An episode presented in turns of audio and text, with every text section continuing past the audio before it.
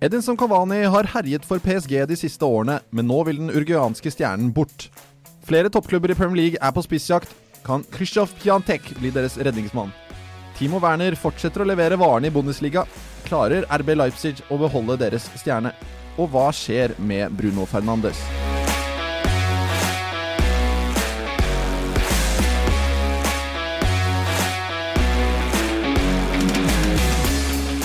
Jeg heter Simen Lønning, og med meg i studio i dag har jeg kollegene Ole Jonny Eriksrud Hansen og Jonas Giæver. Velkommen, karer. Takk, takk. Takk, takk. Det Overgangsvinduet er fortsatt åpent. Det er det. Det skjer fortsatt ikke sånn ekstremt mye, i hvert fall ikke med toppklubbene. Vi ser jo at det er en del eh, rekrutteringer eh, litt lenger ned på tabellen i flere ligaer. Men det er jo en del rykter selvfølgelig eh, når det kommer til toppklubbene. En som er skrevet mye om denne uken, det er Edinson Cavani i Paris Saint-Germain. Han ønsker seg bort, sier han. 32-åringen eh, har gjort nok, føler han i Paris. Og da spør jeg dere, hvor tror vi PSG-stjernen ender opp?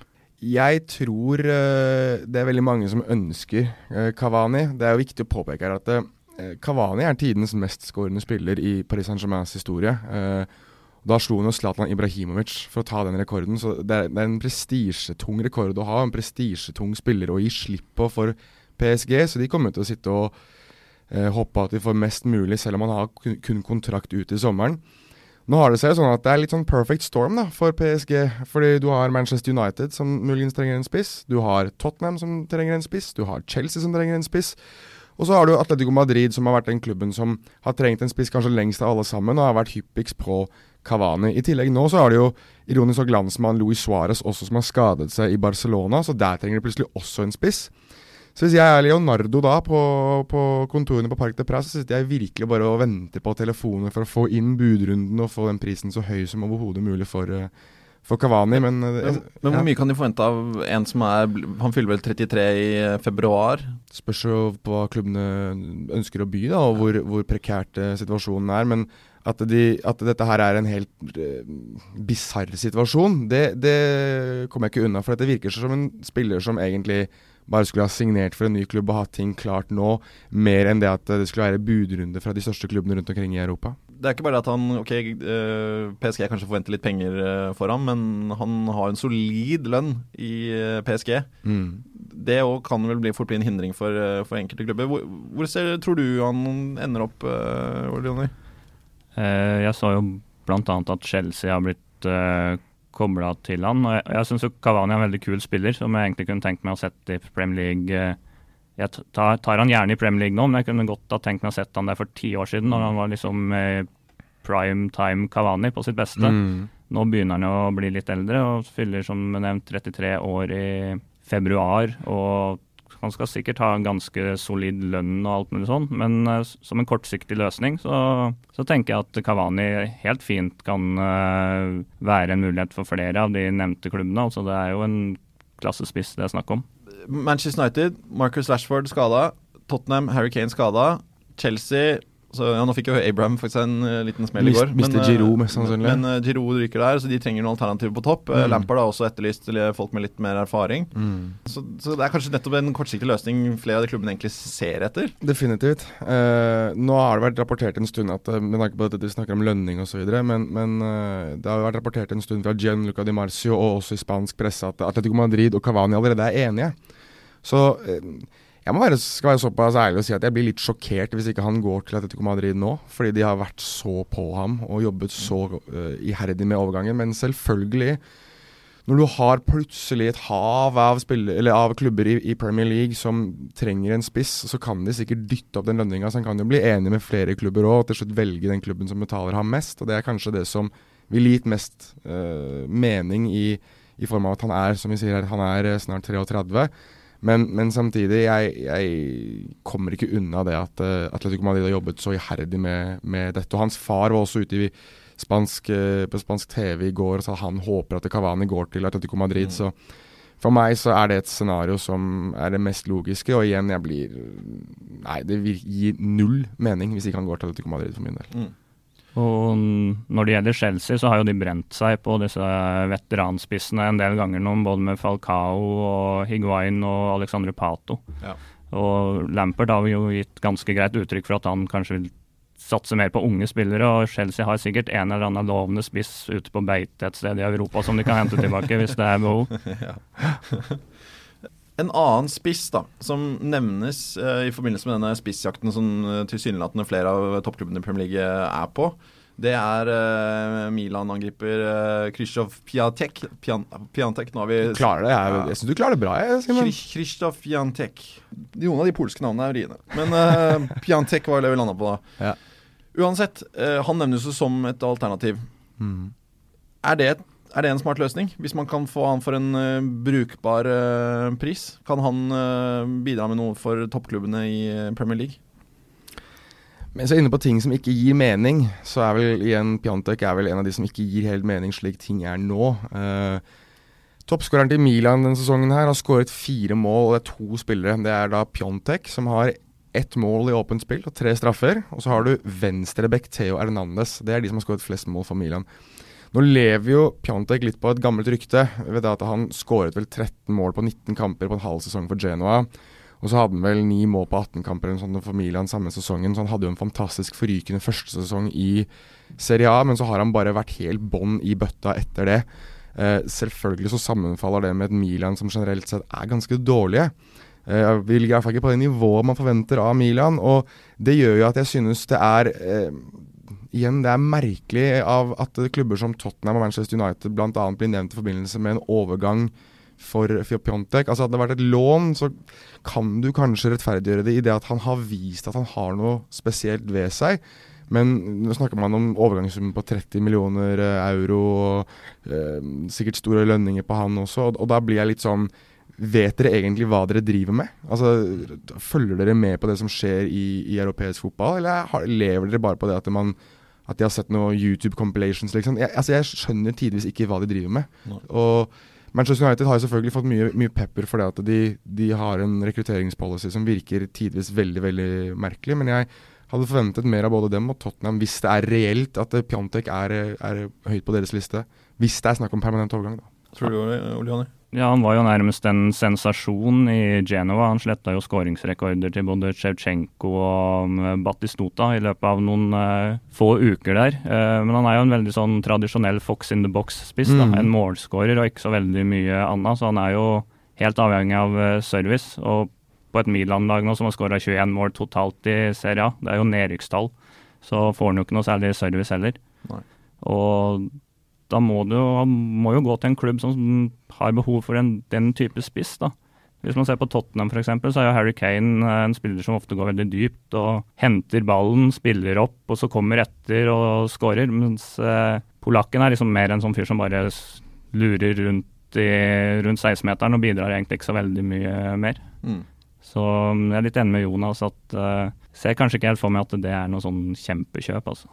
Han er jo spennende, altså for all del. Jeg syns Pjontek på topp i, i, Genoa, også den halve sesongen i Milan da han kom, var jo fantastisk morsom å se på. og Jeg personlig satt og, og, og øremerket meg klokkeslettene for når Genoa og Milan spilte med Pjontek, fordi jeg ville se han spille fotball, fordi han er en attraksjon som spiss.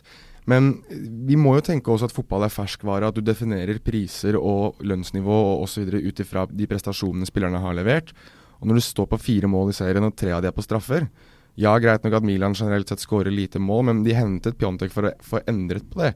Mm. Og tilsynelatende så har de ikke klart det på noen som helst måte. Og, og, han har ikke gjort nok som representerer eller forsvarer det at klubber som Manchester United eller Tottenham skulle mene at han er en forsterkning, heller ikke på kort sikt. Da synes jeg typer som Kavani, som du er inne på her, gir veldig veldig mye mer mening. da, fordi at de har også en track record som er mye mye lengre. Pjontek har halvannen sesong i en topp fem-liga i Europa, ellers har han spilt i Polen. Mm. Greit nok at han har levert på det polske landslaget også, igjen litt i skyggen av Lewandowski, men har han noe som tilsier at han skal være en spiller som forsterker verken Manchester United eller Tottenham? Og så er det jo det at eh, hvis han skal inn permanent et sted, så er jo Tottenham mer mening som en backup for Harry Kane. I Manchester United så skal han jo egentlig bare sitte og vente på at Marcus Rashford er tilbake igjen, og Martial begynner å klaffe, og at Mason Greenwood blir gammel nok til å spille kamp inn og kamp ut. Mm.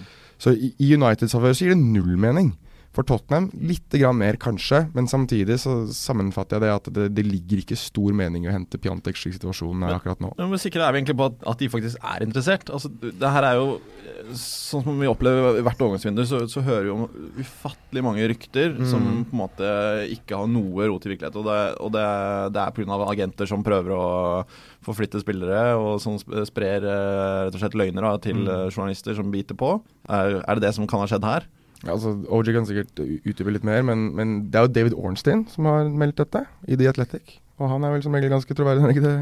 Jo, han er jo kjent for å ha gode kilder, han. Uh, men så har jo Zlatan kom jo tilbake til eh, Milan nå, og da plutselig begynte det å flomme rykter eh, rundt den polske spissen om at han skulle bort og sånne ting. Så det er, liksom, det er litt vanskelig å si, egentlig, om det på en måte er en agent som er litt ute etter å skaffe klienten sin oppmerksomhet nå, med tanke på kanskje en overgang til sommeren, uh, eller om det er reelt at uh, han ønsker seg bort og Milan ønsker å selge han nå? Nei, det er ikke så lett å si.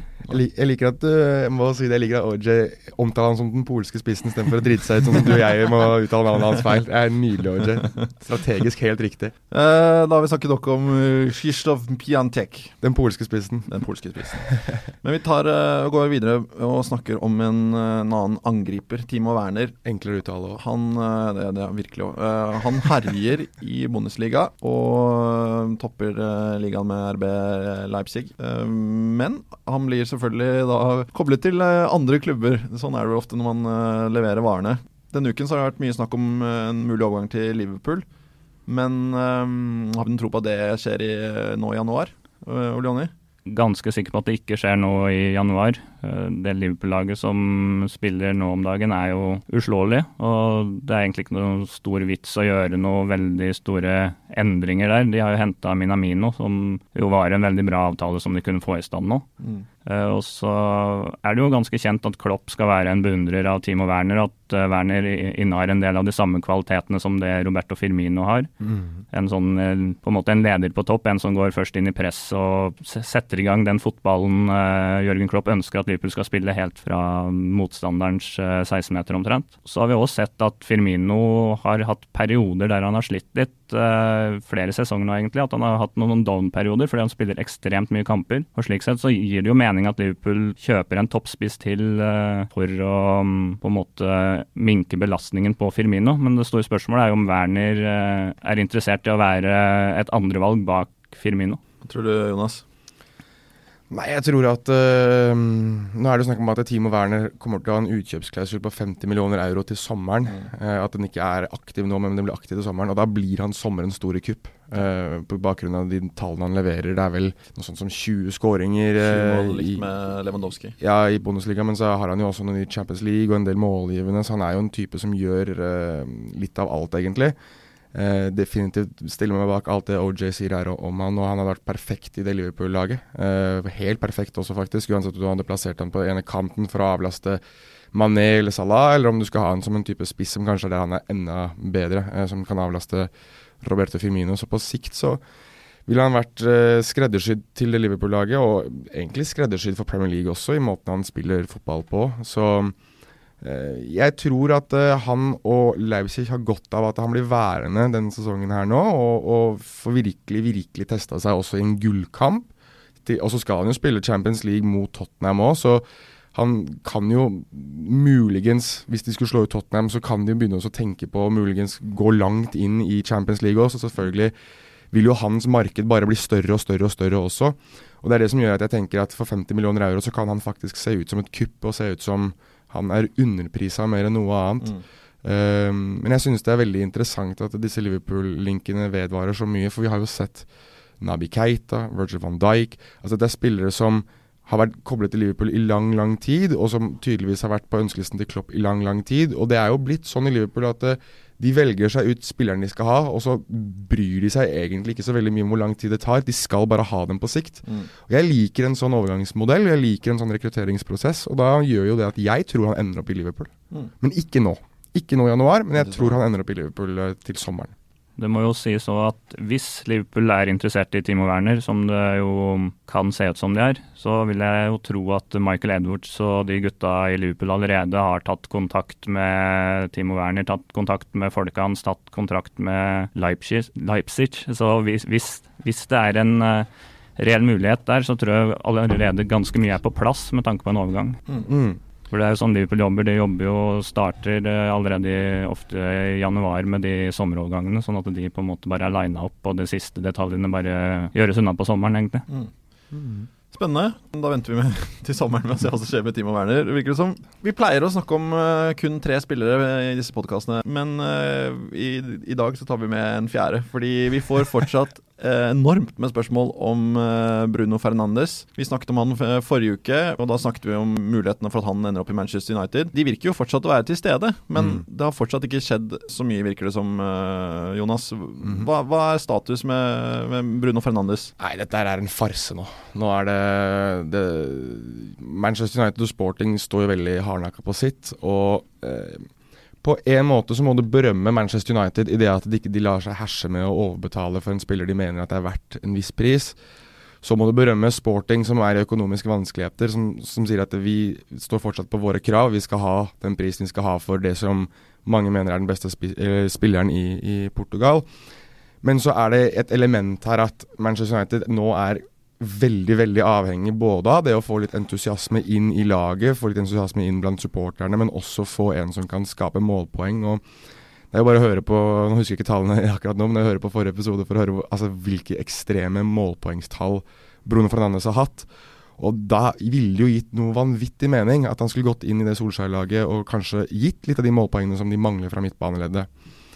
Men det at United nå nekter tilsynelatende å betale den prisen og forstå det at det koster å være kar, det gjør at dette er blitt, blitt veldig pinlig for Manchester United, og det har blitt en stor overgangsfarse for dem og Ed Woodward. Jeg sitter fortsatt med en følelse av at de kommer til å ende opp med å signere ham. Men jeg tror at det kommer til å ende At det kommer altfor sent i vinduet. Jeg tror at det kommer til å koste mer enn det de har ønsket. Og jeg tror at det til syvende og sist så kommer det til å se ut som Eller at de sitter igjen med svarteper, da. Eh, når, når, altså hva angår økonomien. Fordi jeg tror Sporting bare har bestemt seg. Og uh, historikken viser jo det at Manchester United uh, gjerne gir opp da, til syvende og sist og betaler premiumer. Se på Aaron Wan Bissaka, der betalte de masse. Harry Maguire måtte de gjøre til den dyreste midtstopperen i, i, i, fotball noensinne for å få ham fra Leicester. Og da mener jeg at historien gjentar seg for Manchester United gang etter gang etter gang, fordi at de er håpløse og pinlig dårlige på det å kjøpe spillere. Og de, igjen, det, det uthever det som er den store, store feil i Manchester United. At de har ikke noen sportslig retning. De har ikke én person som Liverpool har i Edwards, som City har med Begristein og Soriano, som Arsenal har i Sanyeyi f.eks., eh, og Edono. Altså, de har ikke én person som forstår fotball. Fordi ingen av de som styrer i Manchester United over Solskjær, forstår fotball. De skjønner ikke mekanismene.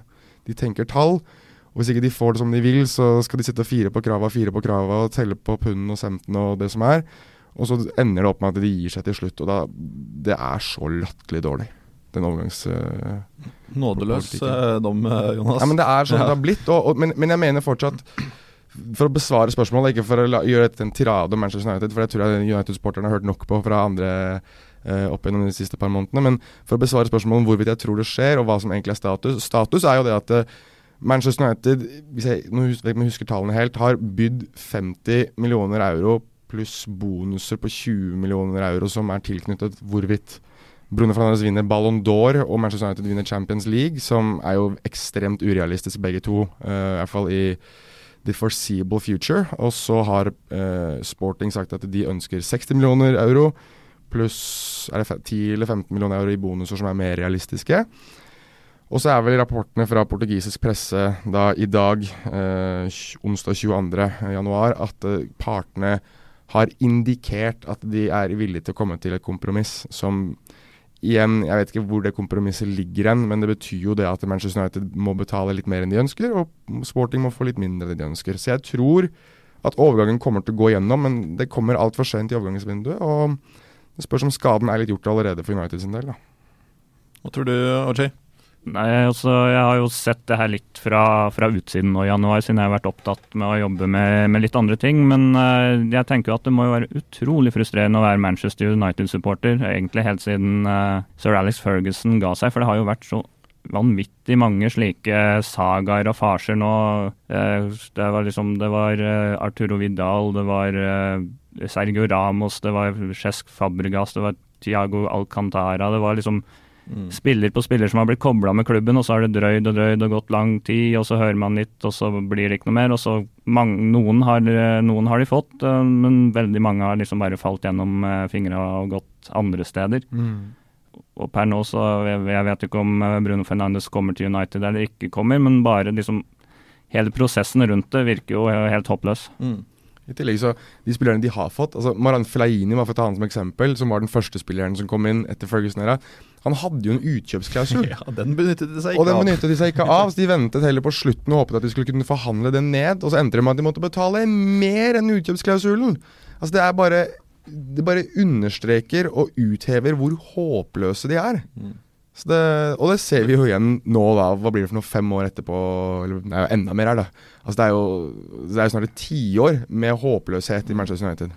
Det blir spennende å se hvor uh, Fernandes uh, ender opp og ender opp til, i Manchester United til slutt. Dette var det vi hadde tid til uh, denne uken. Vi følger overgangsvinduet direkte, som dere fleste vet, på nettavisen.no. Der kan dere komme med så mange spørsmål dere vil. Vi prøver å svare til beste evne. Takk for at dere kom i studio i dag, OJ og Jonas. Takk, takk. Skal vi takke for oss? Si at alt er bra? Ja, ja vi gjør det. Takk for oss. På gjenhør. gjenhør.